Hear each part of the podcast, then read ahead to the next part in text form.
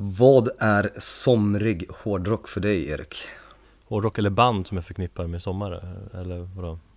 Ja, både och. Vad, vad lyssnar du på under sommaren? Finns det något speciellt? Någon somrig metal? Nej, det vet jag inte. Eller sånt som inte är så här melankolisk katatonia depp musik kanske. Ja, nej jag håller med om att eh, Katatonia kanske inte man kan lyssna på så här en strålande eh, varm dag i juli liksom. Nej. Sen har man väl kanske vissa favoritskivor som man har kört mycket på sommaren. Jag kom upp Down, Down to plattan där. Mm.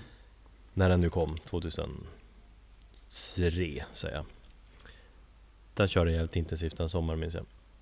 Det var jag kommit på så. Okej, mm, men jag brukar em, köra mycket Turbonegro och um, Soilwork. Det är två band som jag förknippar väldigt mycket med eh, sommaren. Turbonegro förkni- förknippar jag väldigt mycket med fest. Och så. Ja, Mycket bra fester där. Men i Soilwork har jag som sagt har jag ingen bekantskap med riktigt. nej men eh, man festar ju kanske lite mer på sommaren så det är väl kanske därför Turbonegro funkar. Ja. Överhuvudtaget sån här, lite mer glad punk eller lite gladare och peppande em, hardcore tycker jag funkar väldigt bra under sommaren. Mm. Ja, jag tänker mest på festivaler och sånt där, när man tänker hårdrock och sommar. Alltså öl och sol och värme, svett, solbrillor, lera, lycka, bakfylla. Snart blir allt det där faktiskt, Mm. bara några veckor kvar. Yes. Är du redo? Ja, Ja men vad bra då, nu kör vi.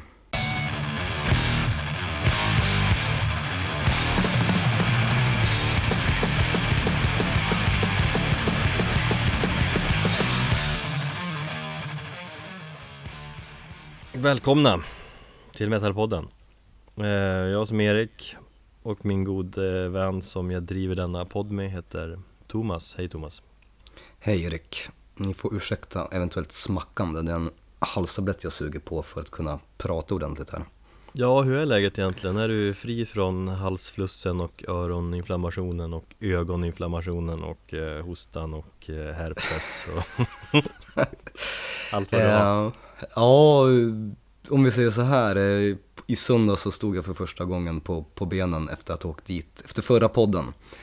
eh, Förra avsnittet så um, åkte jag rejält dit. Allt det som jag har burit, allt det här viruset, all stress under hela våren som jag har burit på bara bröt ut en och samma kväll. Så att jag klippte ju förra avsnittet i sängen mellan febersvettningar och powernaps. Det blev jävligt bra klippning så att eh, du får börja göra det oftare. Ja, jag är faktiskt rätt nöjd med, med hur det blev men eh, jag kan inte direkt påstå att jag minns speciellt mycket från det. Nej, det, det är fortfarande riktigt jävla skitigt. Min kropp är bara ett tomt skal fyllt av smärta. Det känns, det har ju varit en följetong det här, du dina sjukdomar de senaste avsnitten. Jag vet och jag tycker det är jättetråkigt att behöva prata om min hälsa men eh, det här är småbarnslivet och ehm, jag har ju en äldre syster som jag brukar prata och, och få fråga om råd. Hon säger ju att ja, det är bara att vänja dig, det så här är de första tre åren liksom. Så att eh, vänta tills din grabb kommer skolas in i höst och då kanske jag har kommit ett steg längre och då kan jag bara skratta åt dig. Nej, det kommer jag inte göra. Jag kommer känna väldigt mycket empati med, med dig i så fall. Du målar ju liksom upp en mardrömsbild av hur det är när barnet börjar på dagis. Fast det är ju två månader bort, här så att jag får väl njuta av friskheten så länge. Annars, eh, det känns ju som att så sjuk som du är nu eller har varit så att det känns lite som grand finale. För om du ska bli ännu sjukare, vet fan vad, Ja, då är det aids i ansiktet och cancer i röven och döden. och döden sen. Så att nej, jag tror också att eh, ja, det här är det sista för att eh, nu har min kropp tömts på alla sjukdomar som finns. Så att eh, jag försöker faktiskt, det är lite svårt, men jag försöker faktiskt se framåt nu och glädjas över att jag om en vecka har semester, att vi ska på mm, hårdrocksfestival och att jag ska få se Black Breath på, på söndag också. Mm. Nej men efter detta avsnitt så kommer vi väl köra ett litet, litet uppehåll från podden På grund av semester och allt det där Det blir för lite för det lite knepigt att få ihop det har vi kommit fram till Ja, men eh, det blir inget långvarigt uppehåll och om vi lyckas så tänkte vi göra en liten sammanställning och ett specialavsnitt eh, efter Gefle Metal Festival. Precis, så det är väl typ, hur långt kvar? Det är ju två veckor bort drygt 15-16 juli va? mm. Mm. Så efter det så är vi tillbaka Yes. Om det nu inte händer någonting jättestort inom eh, hårdrocken så Som vi bara måste prata om, eller hur? ja. Ja, det återstår att se.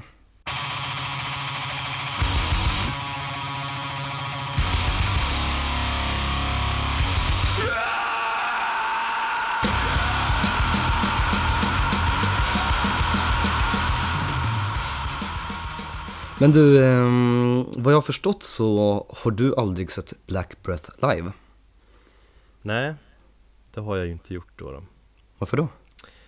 Därför att det vilar en förbannelse över mig och min möjlighet att kunna se det bandet. Jag vet inte Jag har alltid liksom, jag har alltid velat se dem när de var här. Det känns som att de var här tre, fyra gånger va? Något Mm. sånt säger vi. Senast de var här var faktiskt 2012. Så det var ett eh, bra tag sedan. Mm. Ja, men jag tror de var här tre gånger eh, och jag har alltid missat dem av olika anledningar. Jag var uppe, i- eller typ varit sjuk någon gång och var uppe i Norrland och ja, det har krockat. Och det kommer skita sig nu igen på söndag för mig. Vi kan ju hoppas att ett mirakel sker. Ja, nej men med allra största sannolikhet så eh, kommer det inte gå. Vilket är så jävla synd, för det är verkligen ett av de där Man har ju vissa band som Det är inte så många, men det är ändå kanske några band som man inte har sett som man verkligen vill se Och Black Breath är verkligen ett av dem Jag har också ett sånt band. Vilket då? Tribulation. Va? Har du sett Tribulation? Nej. Skämtar du? Och det är precis av samma anledningar. Det är antingen sjukdom som har stoppat mig, det har krockat med eh, någonting annat, jag har varit bortrest från stan och det är också en förbannelse, jag lyckas aldrig se dem live. Och nästa gång de spelar är ju direkt efter eh, Close-Up-båten. När den kommer i hamn så kan man liksom kuta iväg och se dem spela i Stockholm. Och det är ju inte speciellt säkert att jag kommer ha möjlighet att kunna se dem heller då. För att dels så kommer jag vara sliten från en 23 timmars kryssning. Ja, man är så jävla sliten då och så jag vet inte om jag kommer ha lust och ork att se ett, eh, ett till band på kvällen där. Eller om jag ens kommer kunna ha möjligheten. Jag visste ju att de skulle spela i höst igen De spelade ju typ på Strand för något år sedan när de släppte plattan Som Ja, precis. Premiär gig Men vad, jaha, det är precis efter Close Up Båt, det visste inte jag Det är Nej, lite så synd mm, Min förbannelse över det bandet för att se dem live, den, den kommer väl förhoppningsvis, eller förhoppningsvis, den verkar fortsätta. Ja, ja, alltså jag med mitt Black Breath, alltså fan också Jag kommer aldrig Ja. få se dem Jo då, till, till slut så. Och jag lovar att hålla ställningarna. Jag ska faktiskt dit eh, direkt efter jobbet. Jag jobbar min sista dag på söndagen. Så att jag åker dit. Du kommer, du kommer inte komma in Nej precis, jag har ju lyckats bli eh, nekad inträde trots att jag varit nykter på ställen. Det Men, hände ju eh, för övrigt en, eller vår polare just på en arena där senast På Umgoa, det har vi nämnt, ja Just ja, eh, ja Fredrik ja. Ja. Men eh, kanske om jag hinner så kommer jag förbi dig och dumpar av eh, all den där merchen som vi köpte. mm, Jag har ju en t-shirt till dig också Ja, och just det, jag har ett par eh, barntofflor till din grabb. Just det, eller jag har som, ja, som ska få, som ligger och väntar. Nej, så att, nej, jag ser fram emot faktiskt att se Black Breath. Eh, jag har fått en sån här återpepp på bandet. Eh, för min pepp på bandet har varit väldigt vacklande den senaste tiden. Jag älskade ju eh, Senses to Life-skivan. Det tycker jag var 2012 års bästa skiva om jag kommer ihåg rätt Så jävla bra tycker jag den var jag minns att jag tyckte också den var jävligt bra, men jag tror att jag kanske upptäckte den alldeles för sent eller någonting för att den skulle hamna på någon um, årsbästa lista. Nu minns jag inte hur det var. 2012 då tror jag Mgoa släppte um, With Hearts Towards None. Om jag inte tar fel. Och den gick på, hade första platsen. Jag lyssnade på Sentence to Life nu i förmiddags när jag var inne i stan och, ja, Den är fortfarande så jävla bra Det är liksom så här, ja, men Jag älskar deras hardcore-kryddade form av Stockholmsdöds Det är väl bästa beskrivningen Ja, absolut. Och när de släppte en Slaves Beyond Death så var initialt en liten besvikelse. Mm. För det var, det var mer döds och mindre hardcore. Eh, de kände som att de hade tappat sin egen identitet och bara blivit ett, egentligen ett dödsband i mängden. Men sen så snackade jag med väldigt mycket människor som också var så besvikna och kanske inte heller tyckte att den var bra. Och så började uppskatta den för vad den var, sen så tappade jag känslan för den igen. Och så har det gått så här fram och tillbaka, men nu är jag superpeppad. Så att jag har gjort en väldigt stor spellista med, med Black Bells som jag tänkte lyssna nu här i veckan. Så fort jag får känslan tillbaka och lyssna på, på musiken. Ja, ja, men det var lite liknande för mig. Jag var ju besviken först och sen har vi kommit fram till att den ändå var ganska härlig platta. Sjukt tung och ganska mäckig döds kan man väl säga. Precis, de hade ju den här um, instrumentala låten va? Mm. Som känns lite Metallica va? Väldigt mycket Metallica. Mm. Eh, Men dock så saknar man ju hardcore-influenserna. Jag tycker att det är lite synd. Men eh, ja, i alla fall jag. Ehm, De är säkert svinbra live. Eller låtarna är säkert jättebra live också. Ja, de körde över mig totalt när jag såg dem 2012 där så eh, tycker de var jävligt, jävligt bra. Så jag hoppas på en väldigt bra spelning. Jag har höga förväntningar därför att det var länge sedan jag var på en spelning där jag bara kände wow. Och nu tycker jag att efter all den här jävla misären som jag haft under den här våren och nu de senaste veckorna så tycker jag fan jag förtjänar att få, få lite grym duts i ansiktet. Farligt att ha de här förväntningarna ändå. Och i det här fallet så kan ju oddsen stå emot det lite grann med en arena där som jag är väldigt kluven till att det är en bra lokal. Ja, vi får se. Folk har ju sagt, vi har ju diskuterat tidigare, folk har ju sagt eh, både bu och bä om, om lokalen och under Mgwa så verkar det ju ha varit något strul med ljudet och tekniken. Ja. Så om de lyckas styra upp det på, på, på rätt sätt så um, hoppas jag att det, det blir bra. Jo. Om vi säger så här, de har, eh, stället får, har ett, ytterligare en chans att bevisa att Jo, det ja, funkar. absolut. Men jag lovar att hålla ställningen åt dig. Mm. Ja men Marius är inkörd på Debaser eller Medis och sånt där. Där är det fantastiskt bra tycker jag oftast. Ja. Av de ställena. Men det blir nog mycket konserter där ute på en arena eh, framöver. När Medis stänger efter det här årets slut. Känns Apro- inte som att det finns mycket alternativ det har vi pratat om förut. Eh, och att det kanske är därför också att det känns som att många band åker till Malmö och Göteborg men inte åker till Stockholm för att det finns dåligt med vettiga spelställen. Passande spelställen. Ja, och kanske. Jag tror dock att ehm, som ett färskt exempel kan man ju ta jobb Mm. som gör en Europaturné här och inte kommer till Stockholm. Ehm, jag tror det är för stora kostnader för dem att ta sig till Stockholm. De är och reser runt liksom i Europa, i Tyskland och så kommer upp till, till Danmark och så kör de liksom södra Sverige. Och sen så tror jag att typ avstickaren till, från liksom södra Sverige till Stockholm är alldeles för, eh, för stort. Ett annat exempel är Dope Throne som spelar i Malmö och Göteborg också. Åh, fan vad jag vill åka och se dem. Ja. Men jo, jag köper ju det där. Att, att det blir en väldigt lång väg upp och ner liksom från Europa till Stockholm. Men jag tycker ändå om man tar sig ändå till Göteborg, det är några mil köra mellan Malmö och Göteborg. Då, ja, det är synd. Jo, absolut. Men som sagt, om man skulle jämföra och kolla vilka band som spelar i Stockholm som inte spelar i Göteborg så är det säkert betydligt fler. Men nu känns det extra hårt i hjärtat när just två sådana bra band inte kommer till Stockholm och spelar i Göteborg. Jag överväger ju att äh, åka och se um, Dope Throne. Jag tror inte jag kommer lyckas rent logistiskt med, med grabben och, och familjen komma loss men Ja men när är det?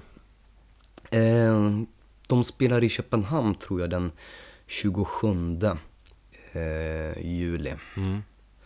Så det är väl dagen innan de spelar i Göteborg. Kim ska ju åka och se dem i Köpenhamn så jag tänkte att man skulle kanske åka med honom. Dricka några öl på Mikeller bar och sen så åka hem dagen efter. Ja, liksom, det var grymt. bara bila ner. Men vi får se. Det är kört för mig, jag är uppe i norr, men det blir väl schysst också. Ja, det kommer ju vara sista dagarna på min semester också. Så jag vet inte hur mycket ork man, ork man kommer ha. Mm.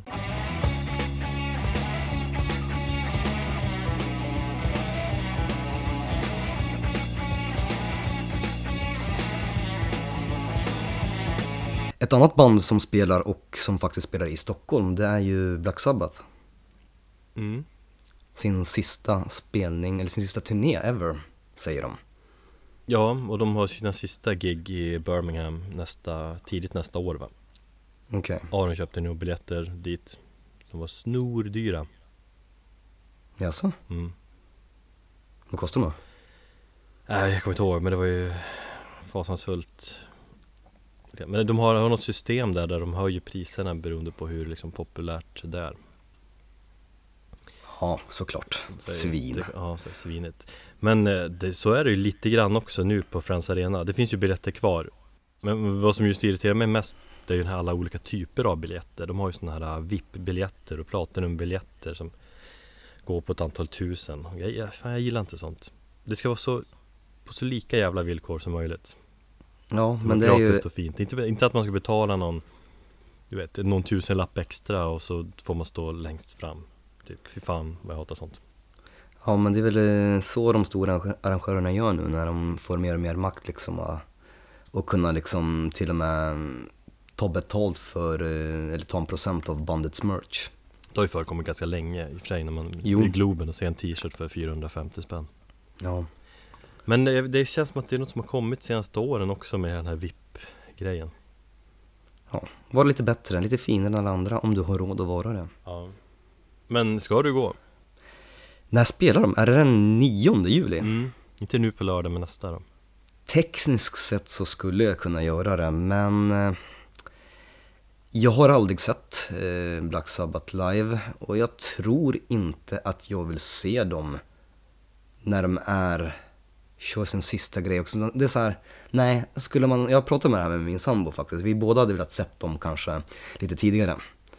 Men jag har fått lite avsmak för, för bandet eh, med alla de här, ja, dramat som har varit med, med Bill Ward och Ja. allting och eh, Jo men jag var ju väldigt anti då, man var ju lite förbannad men det känns som att det har lagt sig lite grann. men fortfarande no Ward, no Sabbath tycker jag. Mm. Jo, jag är ju till viss del. Jag har ju fortfarande inte bestämt mig sagt om jag ska gå men jag, jag kanske jag kanske får med med dig eller något. Ja, eh, jag säger inte nej men eh, jag säger så här att suget är inte så jätte- jättestort. Ja. Däremot hade det varit kul att se eh, Bombus som förband. Just det, de blev klar i, nyligt här. Mm. Det känns ju dock som att de kommer inleda. För det är ju två andra band också, det är Rival Sons och eh, Volbeat. Ja, Och de har varit klara länge och de står väl högre upp och i större text. Det, det är ett turnépaket, eller hur? Vi ser ett Monsters of Rock eller någonting. Ja, men det är ju patetiskt.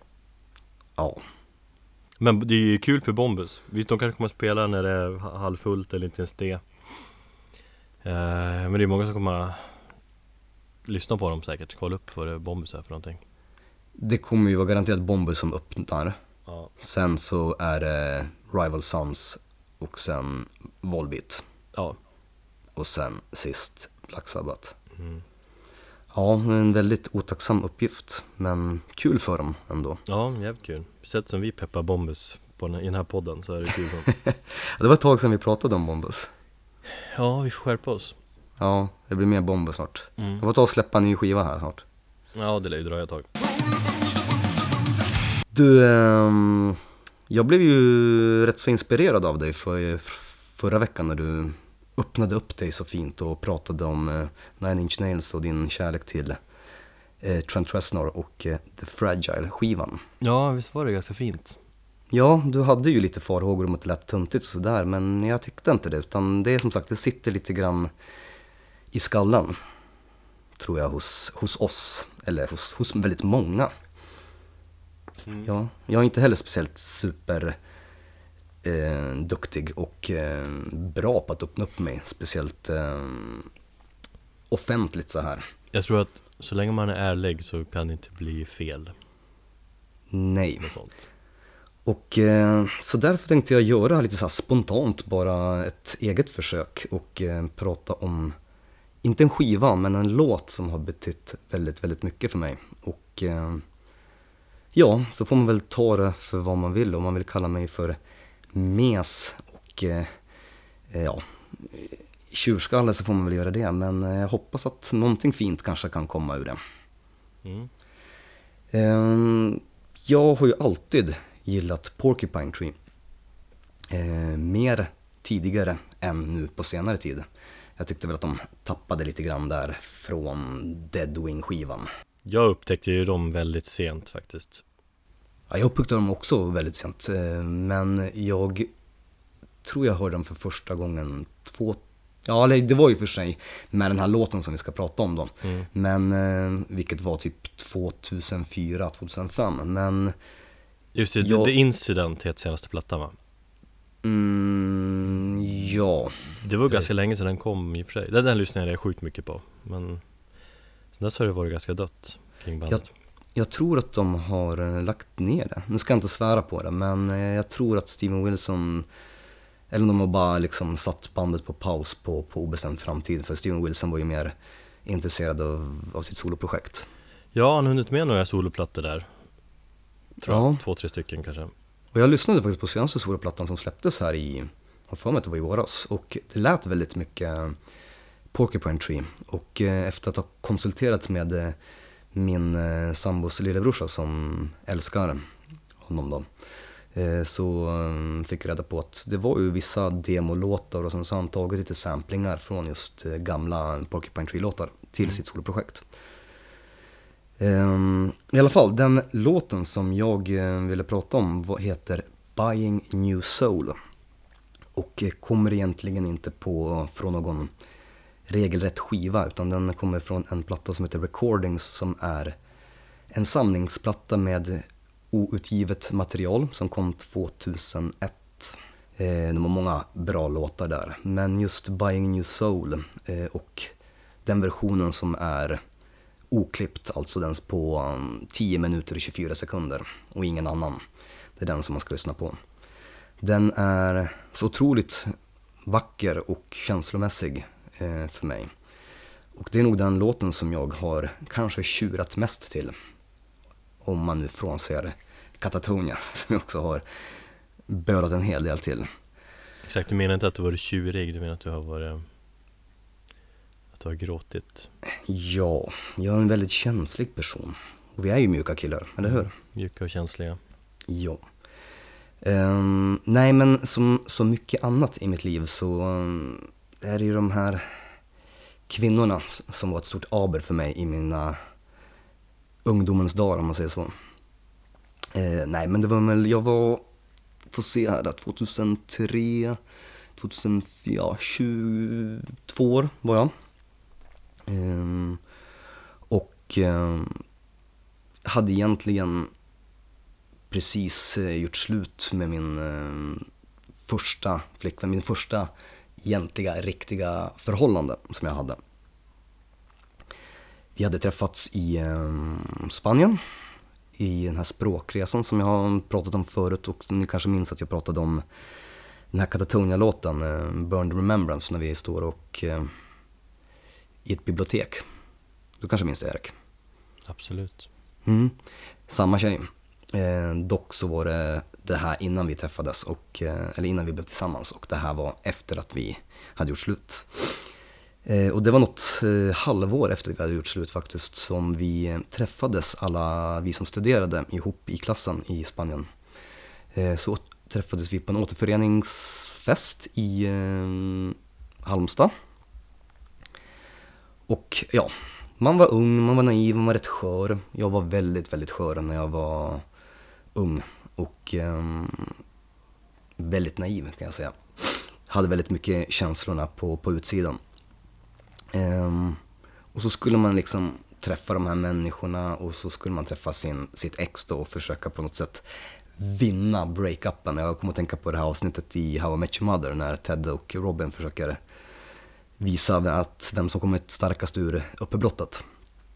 Har jag inte sett, jag gillar inte den serien Nej, inte jag heller, men är man sjuk och Okej. eh, ligger apatisk i, eh, i soffan så, och inte har någonting att titta på så får man titta på den faktiskt. I vilket fall så, ja, det är en larvig grej som är på något sätt kanske stämmer in på verkligheten om att eh, några par försöker tävla om vem som kommer starkast ur ett uppbrutet förhållande.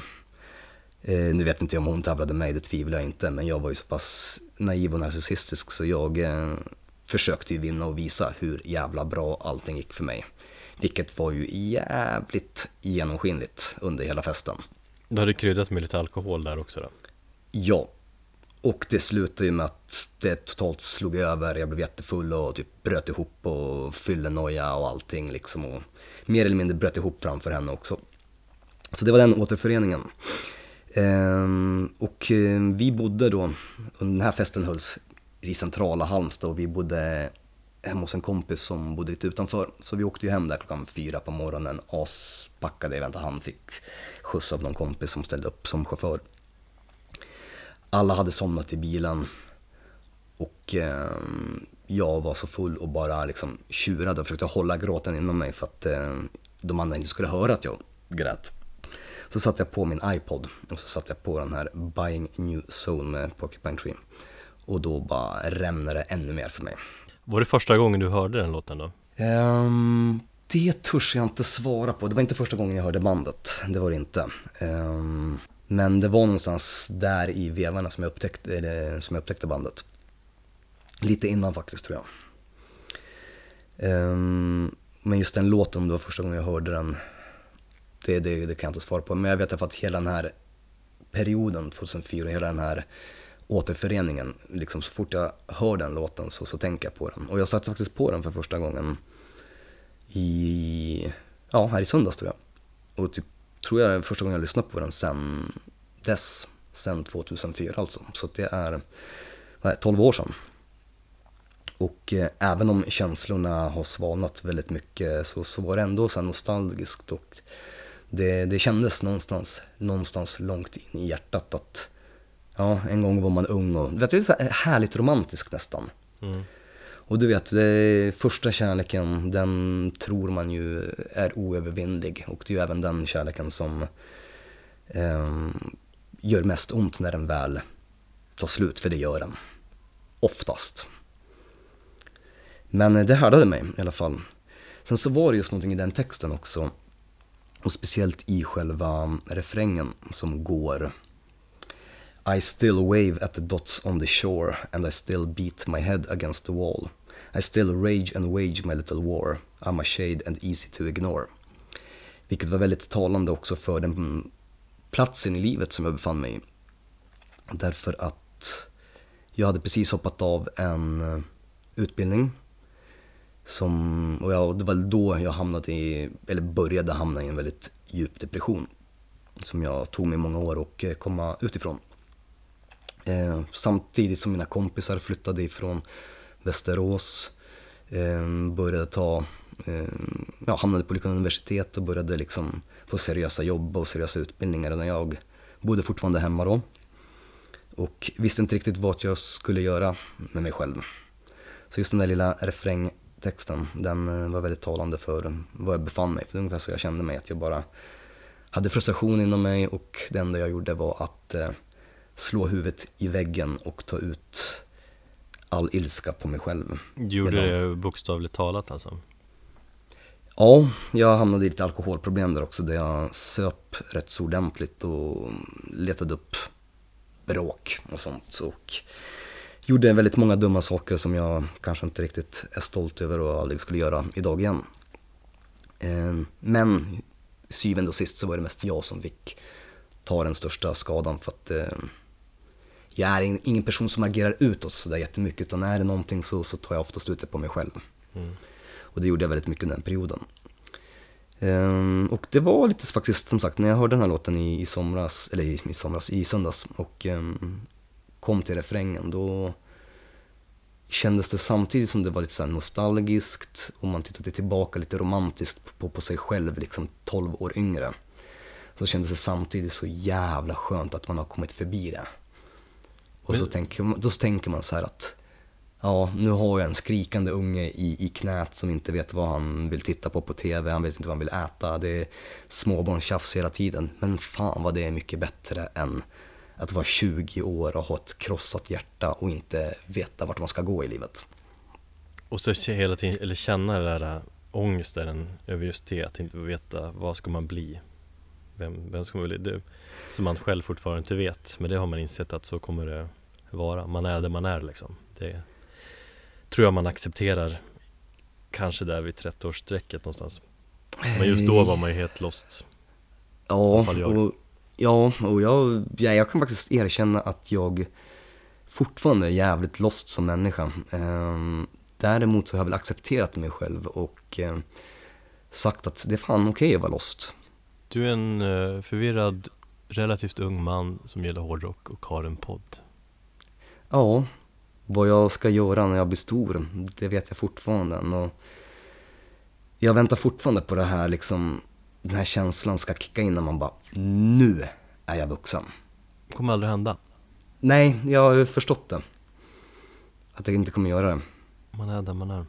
Men just den här kopplingen till musik, det, så, så att det Nu när du sitter och håller in en grabb och tänker tillbaka och ser det här romantiserar Men det, det är lite det här äh, läskigt också att få den här portalen och kopplingen direkt in i tidigare del av sitt liv på något vis. Var, var, det, lite så, var det inte lite så också att det var lite skrämmande? Eh, jo, Man kastas Eh. tillbaka. Jag kan tycka det, man minns hur man var, man, bara, man minns hur man tänkte. absolut. Eh, ja, ja, jag minns vissa saker och minns jag ju hur, hur tydligt som helst. Och under den djupaste svackan, jag har aldrig, aldrig under mina under, mina depression, eller under min depression varit speciellt självmordsbenägen. Men under en fest när jag var i Umeå 2006 tror jag det var. Så bara hamnade jag på någon, på någon efterfest och somnade under ett eh, eh, vad heter det? köksbord. Medan alla andra låg och sov och snarkade och sådär så bara låg jag där vaken och tänkte och så stirrade jag upp på, på liksom så här, eh, köksbordet eller på, mm, vid spisen och där stod, låg det en, liksom ett knivställ. Och jag minns att jag tänkte, fy fan vad enkelt det hade varit att bara här och nu få slut på lidandet. Inte för att jag skulle ha gjort det, för jag tycker det är en otroligt feg utväg och jag har aldrig någonsin ens varit i närheten att tänka sådana tankar. Men jag bara tänkte att, tänk hur enkelt det hade varit. Mm. Och sen så blev jag rädd för mig själv. Och den tanken slog mig också här nu i helgen. Jag har som sagt, när jag legat apatiskt i, i soffan och tittat på How I Met Your Mother så har ju en hel del tankar fladdrat omkring. Jag har ju tappat all form av livsglädje som det känns just nu.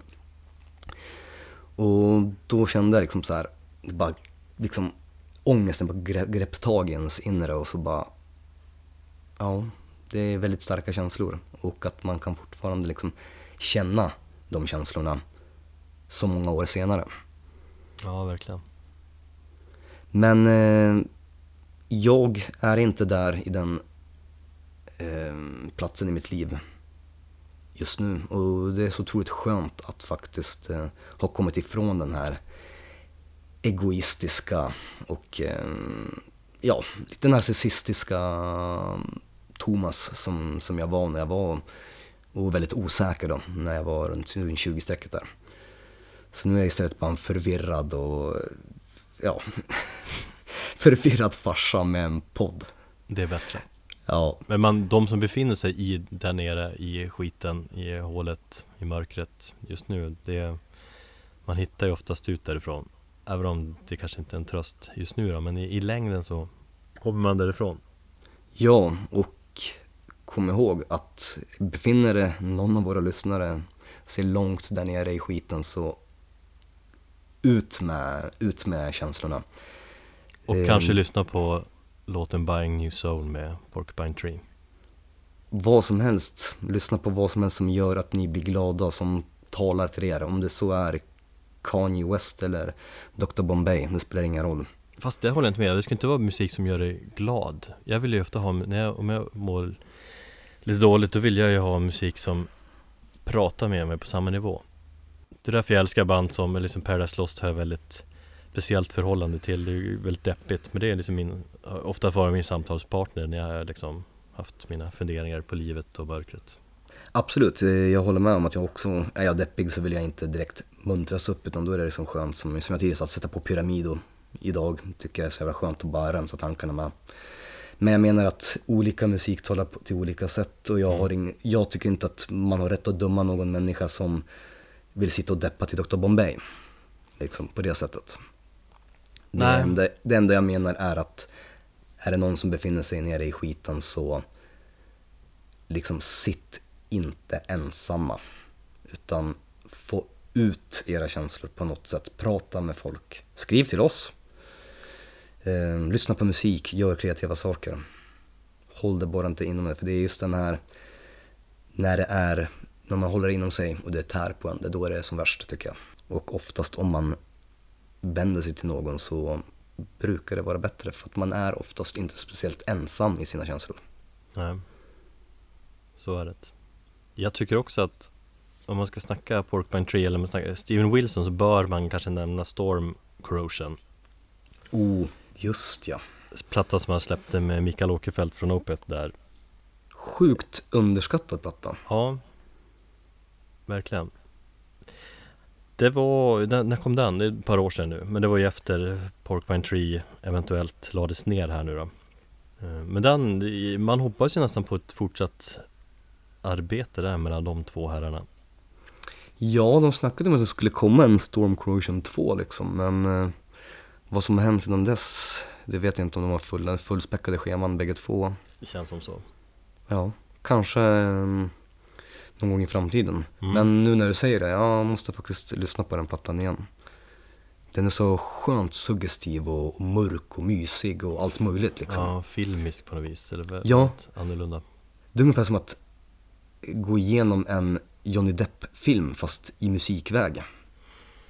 Jag får upp sån här lite Alice i Underlandet, Willy Wonka-vibbar när jag lyssnar på den. Ja, jag gillar inte Johnny Depp de senaste tio åren har han väl varit lite patetisk eller gjort ganska tråkiga, eller gjort samma typ av roll om och om igen, men okej, Ja, jag förstår hur du menar. jag tänkte mest bildligt talat. Ja. Men eh, vad fan, vi kan väl spela en eh, del av eh, Porcupine Tree Buying a New Soul från Recordings.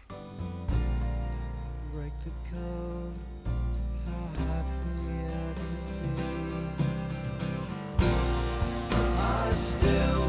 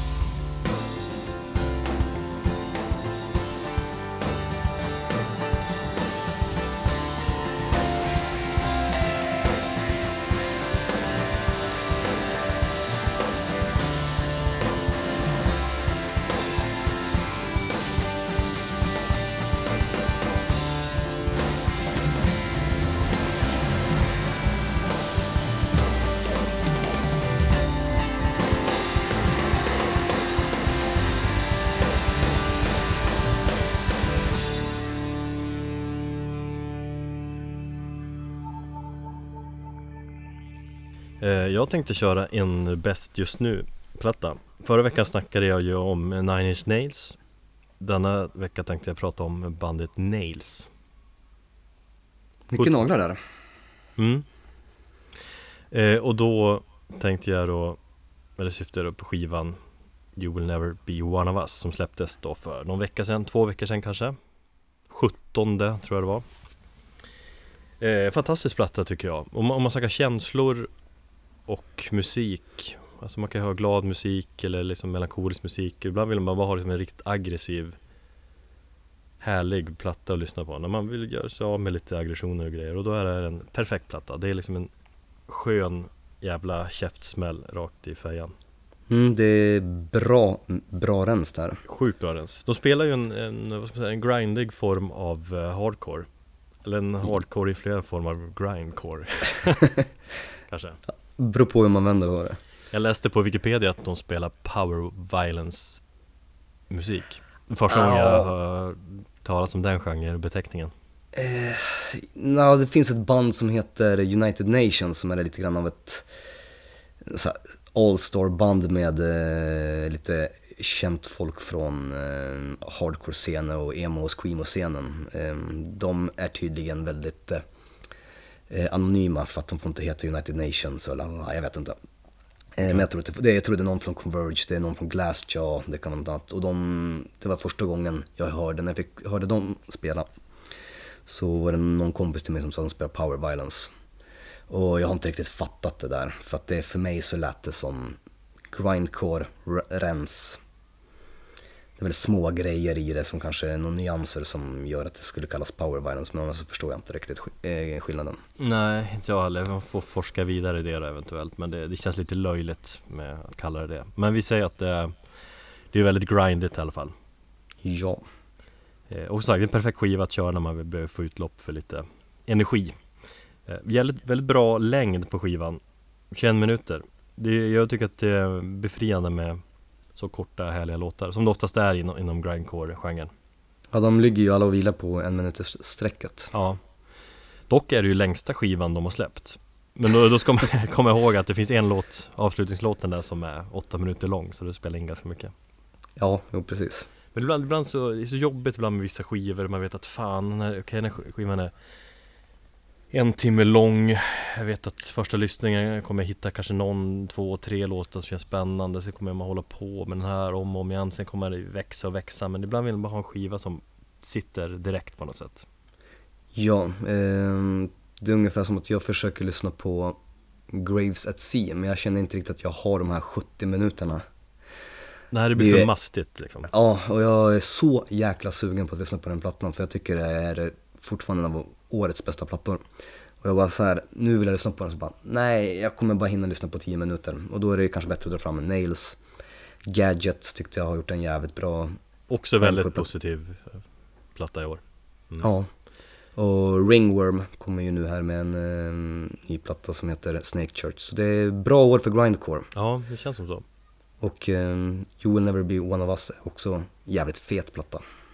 Ja, precis, verkligen. Det, den, den påminner ju en hel del om de två tidiga skivorna såklart. Men de har släppt, det är tredje plattan där. Jag tycker ändå att den är bäst. Den är liksom den är mer genomtänkt, känns mer eh, koncentrerad, mer detaljer och mer, mer maffighet på något vis. Ja. Dessutom är det ju första skivan på Nuclear Blast om jag har fattat det rätt va? Stämmer bra det. Mm. Ehm, och visst, jag är ju inte direkt ensam om att gilla plattan. Uh, ni rankar väl ganska högt i close-up. Och överlag tror jag har fått väldigt bra kritik. Det, nu har jag faktiskt glömt bort det, men jag tror det var inte en soundcheck-vinnare i förra numret. Jo, jag tror det. Eller ja, det var jag som recenserade den, men jag minns inte om det var en sound, eh, soundcheck-vinnare-recension som jag gjorde. Ja, som sagt. Eh, Nej, den hamnade högt upp i alla fall. Ja. Ja. Eh, ja, nej men ja, den är, den är ju bra. Men jag tror jag gav den en sjua faktiskt. ja inte mer. Eh, nej, eh, av eh, enkla anledningen egentligen att de gör ingenting nytt. Eh, utan eh, jag skrev där mot slutet, de återuppfinner inte hjulet, de sätter bara eld på det. Mm. Ehm, och det är för att, ja, om vi ser bland alla grindcore-plattor som, som har kommit i år som jag finner intressanta så är det väl den som kommer längst ner. Du tycker att både Snake, Church med Ringworm är bättre och um, framförallt så har Gadget gjort årets grindcore-platta. Fast jag tycker det är lite fel att jämföra just eh, Gadget och eh, Nails. För jag tycker inte det är riktigt samma genre, samma grej ändå. Alltså Gadget är Inte? ju, re- nej det, det tycker jag är ren grindcore. Men jag tycker som sagt Nails kanske har någonting med, kanske den här power violence grejen som Jag tycker li- just produktionsmässigt det är Det är maffigare och kanske lite mer hardcore vibbar Jag tycker de, det är lite annorlunda känsla. Men visst, det är, båda är ju som inom grind-genren. Ja. Absolut. You're just splitting hairs man. Ja, men just eh, Något som är anmärk- anmärkningsvärt också med skivan Det är att den faktiskt hamnade på 127 plats på Billboard-listan Där den pickade där Det sjuka är ju att det är ju jättemånga tidningar som redan har snackat om den som årets bästa album. Ja, det måste väl vara det. Alltså, det, det är ju ändå en ganska extrem form av hårdrock. Men för det första, varför Alltså jag, bara tänkte om det var det, Decibel Magazine eller om det var Kerrang eller Metal Hammer, nu minns jag inte vilken, vilken form av tidning det var. Men de hade ju skrivit så här, årets platta, frågetecken, och så hade de haft en omslagsartikel med Nails. Mhm. Och man bara, ja men vad fan, det är juni liksom. Och det verkar som att många tidningar håller varandra om ryggen om att lyfta det här bandet på något konstigt sätt. Ja, precis. Jag såg att de finns med i line-upen för den här uh, nystartade, eller den här Ozzfest meets uh, Notfest, alltså Slipknot-festivalen. Jaha, Uh, så det går ju bra för bandet helt klart. Uh, men jag har en teori här, eller jag har läst lite på Kan det vara Metal Sax? Uh, så, sångaren där, sångaren gitarristen Todd Jones uh, verkar vara en halvdryg typ. Det är ju liksom mycket matchattityd och mobbing, uh, hård jargong från hans sida om man säger så. Det, det yes. är pussies hit och dit. Bitches hit och dit. Ja, han hade ju bland annat ett tveksamt svar där till en journalist um, Som journalist som hade väl, eh, ja vad var det, att sista låten Ja, då, han, eh, journalisten hade eh, skrivit, eller på Twitter då, till bandet någonting, någon drygt grej om att en tredjedel eller delar av, eh, eller sista låten på plattan var en cover. mm. Eh, och ja, jag tycker det är ett väldigt dumt antagande från en journalist att bara göra som så för att han har väl inte varit med i själva eh, processen när den låten har skrivits. Och men om bandet säger att det inte är en cover utan de har skrivit den sedan länge, liksom långt, långt, långt tillbaka. Mm. Eh, så kan man ju för sig som bandet och jag menar Nails är ju med i hela den här cirkusen som det innebär att vara populär artist och säkert få massa beröm och kritik så kunde man ju kanske svarat betydligt schysstare och kanske mer professionellt gentemot den här journalisten trots att han var dryg. Men vad skrev de att, ja, att han var en eh, pussy och en bitch och Ja, dum i huvudet och allting. good luck in the future pussy Ja. You probably got bullied in school Pussy boy och sånt där. Och det känns så här äh, Jättekonstigt. Och alldeles för hårt. Men jag läste sagt en intressant teori där I Metrosax eh, Om att det kan vara lite medveten taktik att de kör på på det viset. Och att Just för att få mer uppmärksamhet och det, att det kan vara en stor del av varför de har blivit så populära Eh, ja, Att de jo men det är väldigt så här, tuffa, hårda, supermacho att folk liksom, ja men de här är Att det, det på något vis speglar då genren som också är väldigt hård då. i den här själva Twitter-fighten som han hade, som, ja, jag antar att det var Todd Jones då som hade det med den här journalisten. Eh, så skrev han ju också någonting om att eh, jag kommer aldrig någonsin liksom att stå upp för den bilden som du tror att en rockstjärna eller en, en musiker ska vara. Jag, jag platsar inte i din världsbild. Jag har ingen som helst anledning att göra det. Så du får tycka vad du vill om mig. Mm. Om, man, om man läste hela den här tråden.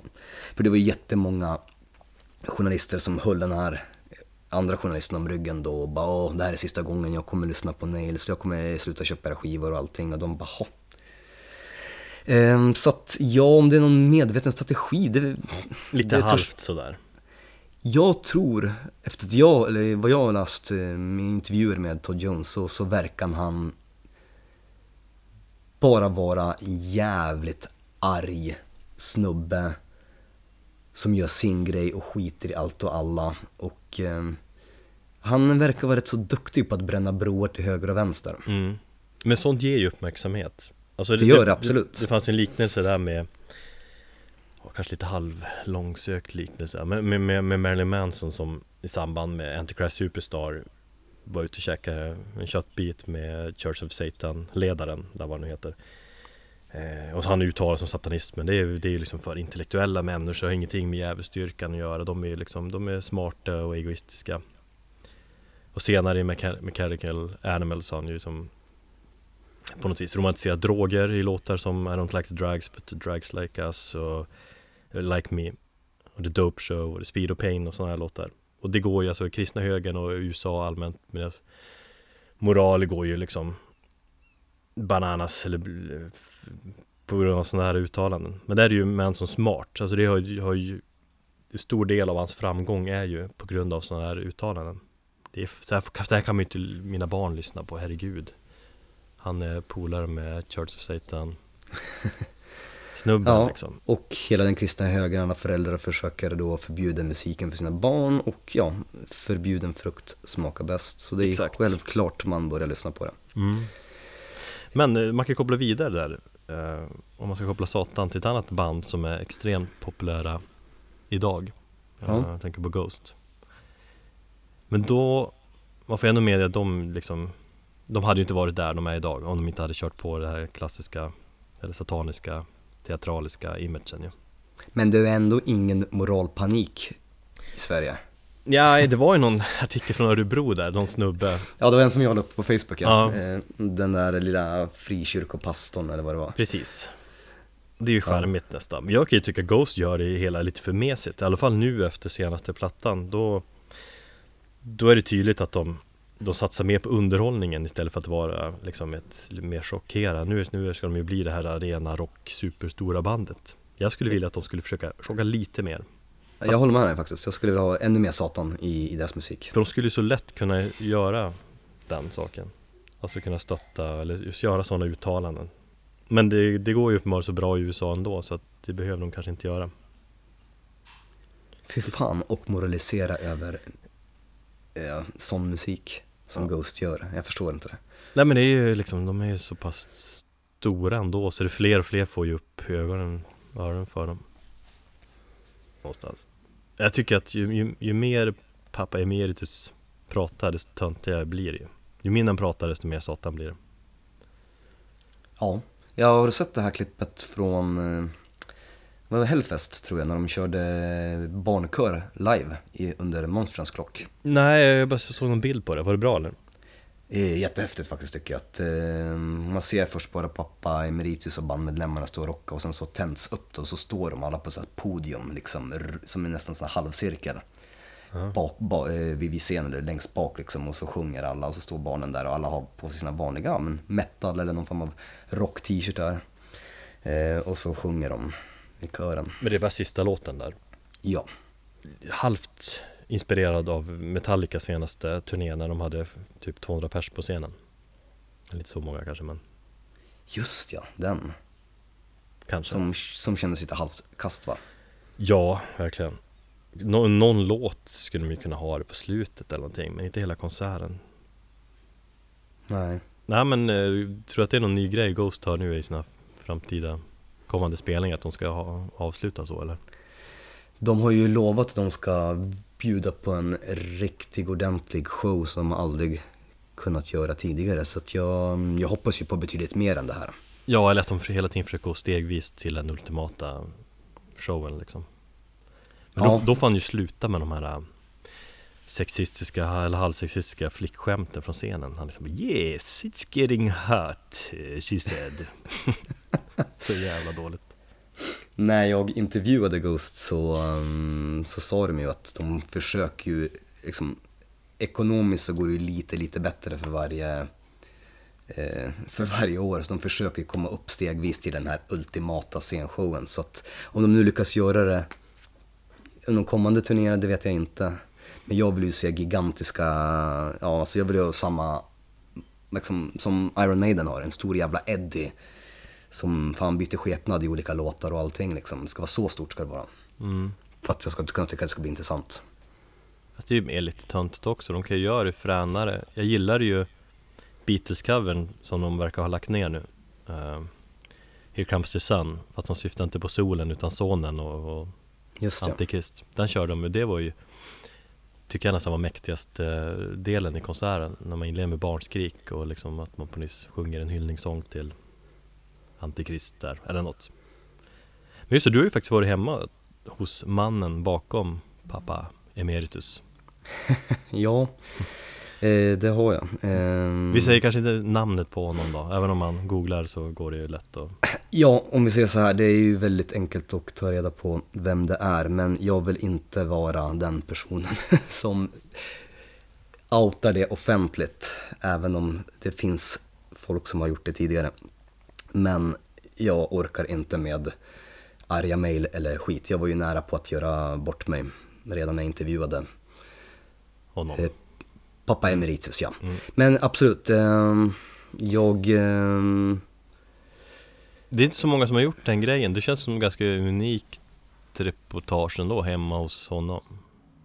eh, Hur var det? Hade han snygg inredning? Eh, det såg ut som ett eh, vanligt svenssonhem, Det var en Svensson 2. Det första som hände var att jag liksom slog tån i någon leksak liksom. Eh, han har ju två barn. Eh, så, nej men det var, det var jättetrevligt samtal och det var, mm, han satte på en eh, till eh, Dracula. Bram Stokers Dracula. Så vi hade det på i bakgrunden medan vi, vi snackade en, en massa. Vadå, han bjöd in dig, bjöd på en kaffe kanske och sen, sen sa han jag ska sätta stämningen med lite musik. Ja. Och så, på, så hade han liksom, hela vardagsrummet var ju bara egentligen en enda stor jävla billig bokhylla med, eller nu vet jag inte vad den boken heter, med eh, eh, vinyler. Han hade inte den, han hade troligtvis Ikeas eh, Kallax-hylla. Så heter den kanske. Mm. Eh, och sen en hel del olika, mm, ja, mm, statyetter, olika mm, vinster och pokaler och sånt. Olika awards. Häftigt. Nej men om vi säger så här, en sak som jag har själv liksom kanske legat lite sömnlös över. Ponera att Kiss fortfarande är omaskerade Mm. och du får ett samtal och du ska intervjua, nu vet inte jag vem som är vem i Kiss för jag har aldrig brytt mig om det bandet, men du ska intervjua den där katten. Ehm, Peter Chris, som inte är med längre. Okej, vem var Paul Stanley då? Ja, det är sång, Nej, sång. vi, vi säger Gene Simmons. Mm. Vem var han? Han, han är basist och sångare. Jo, men jag tänkte i sminkningen. Ja, han är Demon. Demon är så han heter. Mm. Ponera att eh, skivbolaget bara, men du, eh, du ska intervjua mm, The Demon liksom. Eh, här är adressen, åk till den här staden, ring det här numret. Eh, och du har ingen aning om vad, som, vad du kan förvänta dig. Det var ungefär likadant här, bara men du ska intervjua pappa Emeritus. Jag visste ju vem pappa Emeritus var, eh, för jag har vänner som är vänner med, med honom. Men eh, jag bara, hur liksom, okej jag ska åka till Linköping. Vart ska intervjun ske? Jag ska bara ringa när jag kommer fram liksom. Och då tänkte jag, ja men vad fan. Bandet är ju så måna om att hålla, behålla sin anonymitet och sina masker och det där och det ska bara snackas om att man intervjuar den namnlösa vålnaden. Um, så då ringer jag liksom, men jag bara, ja, men nu är jag här, vad, vad, hur gör vi? Ja, jag är lite sen, um, så jag tror inte jag kan komma till dig, kan inte du komma hem till mig? Och så får jag liksom själva um, vägbeskrivningen. Ja visst, 15 minuter senare så är jag hemma hos eh, pappa Emeritus. Och så sitter vi och pratar och det känns som ett, vilken vanlig intervju som helst. Skriver jag intervjun sen när jag kommer hem. Eh, och då använder jag hans riktiga namn. Mm. Alltså födelsenamnet. Tills typ en timme innan pressläggning och innan tidningen ska gå i tryck. Vad helvete, jag är inte säker på att jag får använda mig av hans namn. Eh, och då hade min chefredaktör också frågat så här, är, det, är han okej med att vi går ut med, med vanliga namnet? Jag bara, jag, han sa ingenting och jag fick inget intryck av det. Alltså, eh, var det för close? Var det Robban eller var det? Nej, det, det var var för- Gaffa. Det var för Gaffa. Ja. Jag bara, jag har inte fått något eh, annat meddelande om att det inte skulle vara okej för att vi satt ju som helt vanliga personer där och, och, pratade vi liksom i, vid vardagsrumsbordet och det var jättetrevligt. Så att jag har bara antagit det, så där bara messade jag honom och bara du är okej om jag ehm, går ut med vanligt namn liksom. Eh, kan du svara snart för vi ska skicka till eh, tidningen till tryck? Bara, Absolut inte! Nej. Och jag bara helvete, fort som fan ändra bort allt namn till, till liksom någonting annat och sen Ja. så skicka iväg tidningen. Och så hann jag kanske rädda mig själv eh, från att göra ett jävla ja, journalistiskt magplask där. Eh, men då gick jag ju ut istället som att jag pratade med pappa Meritius. Och i alla intervjuer så är det ju bara den namnlösa vålnaden, eller the nameless ghoul. Exakt, det är därför den här den intervjun du gjorde är unik på det sättet För att, att all, när man läser intervjuer är det alltid en namnlös förvånad Exakt, och då är det, det kanske är hon, han då, som kör de flesta intervjuerna Ja, ja, i- det, jag vet inte I det, I det största hela så tror jag att det är han som är den namnlösa vålnaden. Ja, han får kanske ta de flesta Ehm, Och då, nej men då, då är ju min fråga så här, om du som band är, och nu går vi tillbaka till, till Kiss liksom, de har fortfarande inte, ingen vet vem, vem som är vem, vem som döljer sig bakom sig, eller ta Slipknot för, för att ta ett lite färskare exempel för våra lyssnare. Ehm, och ingen säger så här, du, det är inte okej att du tar kort på oss, det är inte okej att du går ut med våra namn. Trots att jag, du sitter hemma hos mig och typ kissar på min toalett och dricker mitt kaffe. Då antog jag, och det kanske var fel av mig att anta att jag skulle göra, utan det kanske var någon form av, jag vet inte jag, någon kodex som jag inte riktigt fattade. Ja, men kodexen är ju, alltså när man läser intervjuer med Ghost så säger de själva att ja de flesta vet ju vilka vi är. Alltså att alla vet ju att de är från Linköping och alla vet vem sångaren är och typ eh, och hans tidigare band och så har man kunnat lista ut de flesta medlemmarna. Eh, men du säger att det spelar ingen roll för att de flesta vill behålla det här det här teatraliska och då pratar de, skriver man oss som, ja, gastar, vålnader hit och dit. Så att de har bara, antog, antog de, eller han då, att du, du kommer följa strömmen som alla andra och benämna honom som en namnlös gast Men det är konstigt att det inte finns någon management i bakgrunden eller någonting, att du får någon information att du får absolut inte skriva hans riktiga namn. Precis! Och Det är jättemärkligt med tanke på hur stort bandet verkligen är och det var i samband med att eh, senaste skivan skulle släppas Ja, och det var det som jag gjorde mig helt konfunderad. För jag menar, jag har en gång blivit, ehm, eh, jag fick en intervju, till en intervju med, eller nu fick jag aldrig, den, den ställdes in i sista sekund, men jag skulle intervjua Dave Mustaine 2009-2010. Och då fick jag ju ett jävla A4 skrivet med, med saker som jag inte fick prata om. Du får inte prata om eh, Metallica-åren. Du får inte prata om det här, du får inte prata om hans kristna tro, du får inte prata om det här, du får bara prata om de här sakerna kring den här skivan. Mm. Nu blev det inte en eh, intervjun av för han ställde in alla intervjuer. Men då var det så jävla tydligt för management och det tyckte jag skulle vara här också. Bandet vill inte gå ut med sina namn. Där, där, där. där. Jag menar vad fan, jag får ju bara gå in genom dörren och se vad som står på, på, på själva eh, post på brevlådan liksom.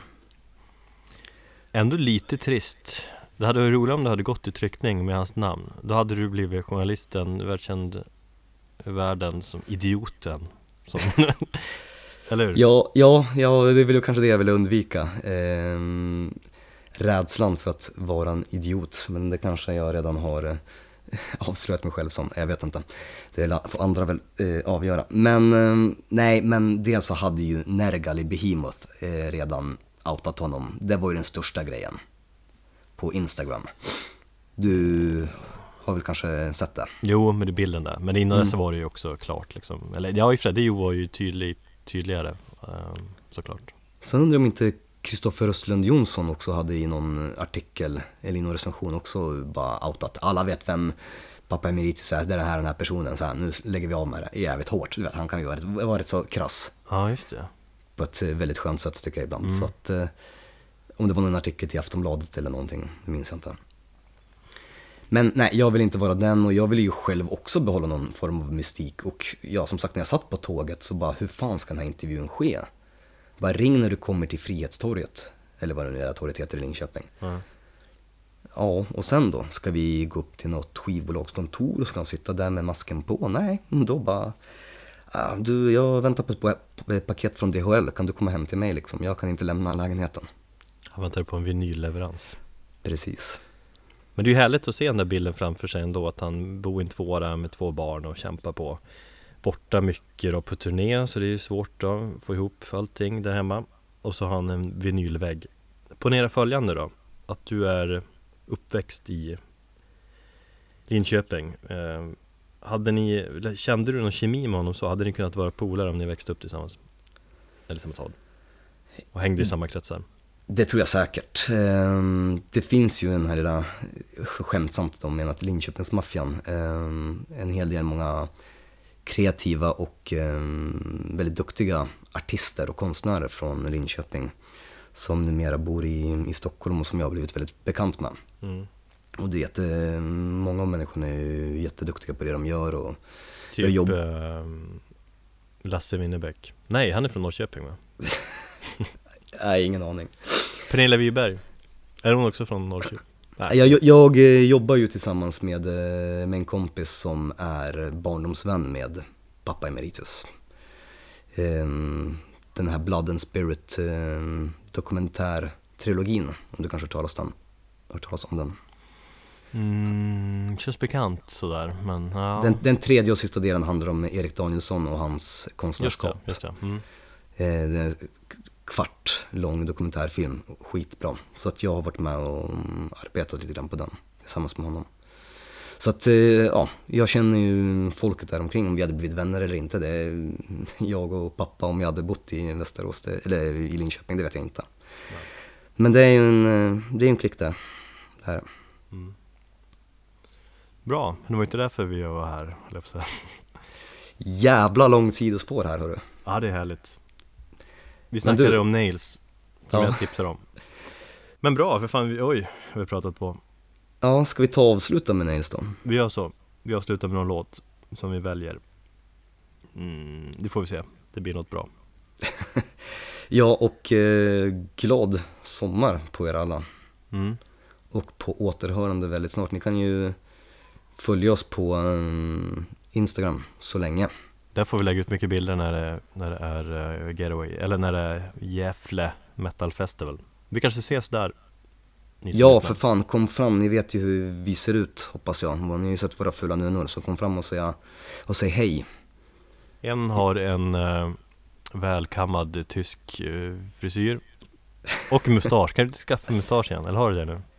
Eh, jag har ju för sig inte rakat mig sen eh, jag hamnade i för döden tänkte jag nästan säga. Kör sommarmustaschen för helsike.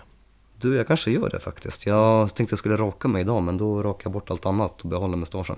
Så mustasch och tysk snedbena och eh, en svart väst med Wolf Brigade-loggan på kan ni hitta mig ute i publikhavet. Och jag har mycket hår, skägg och hår.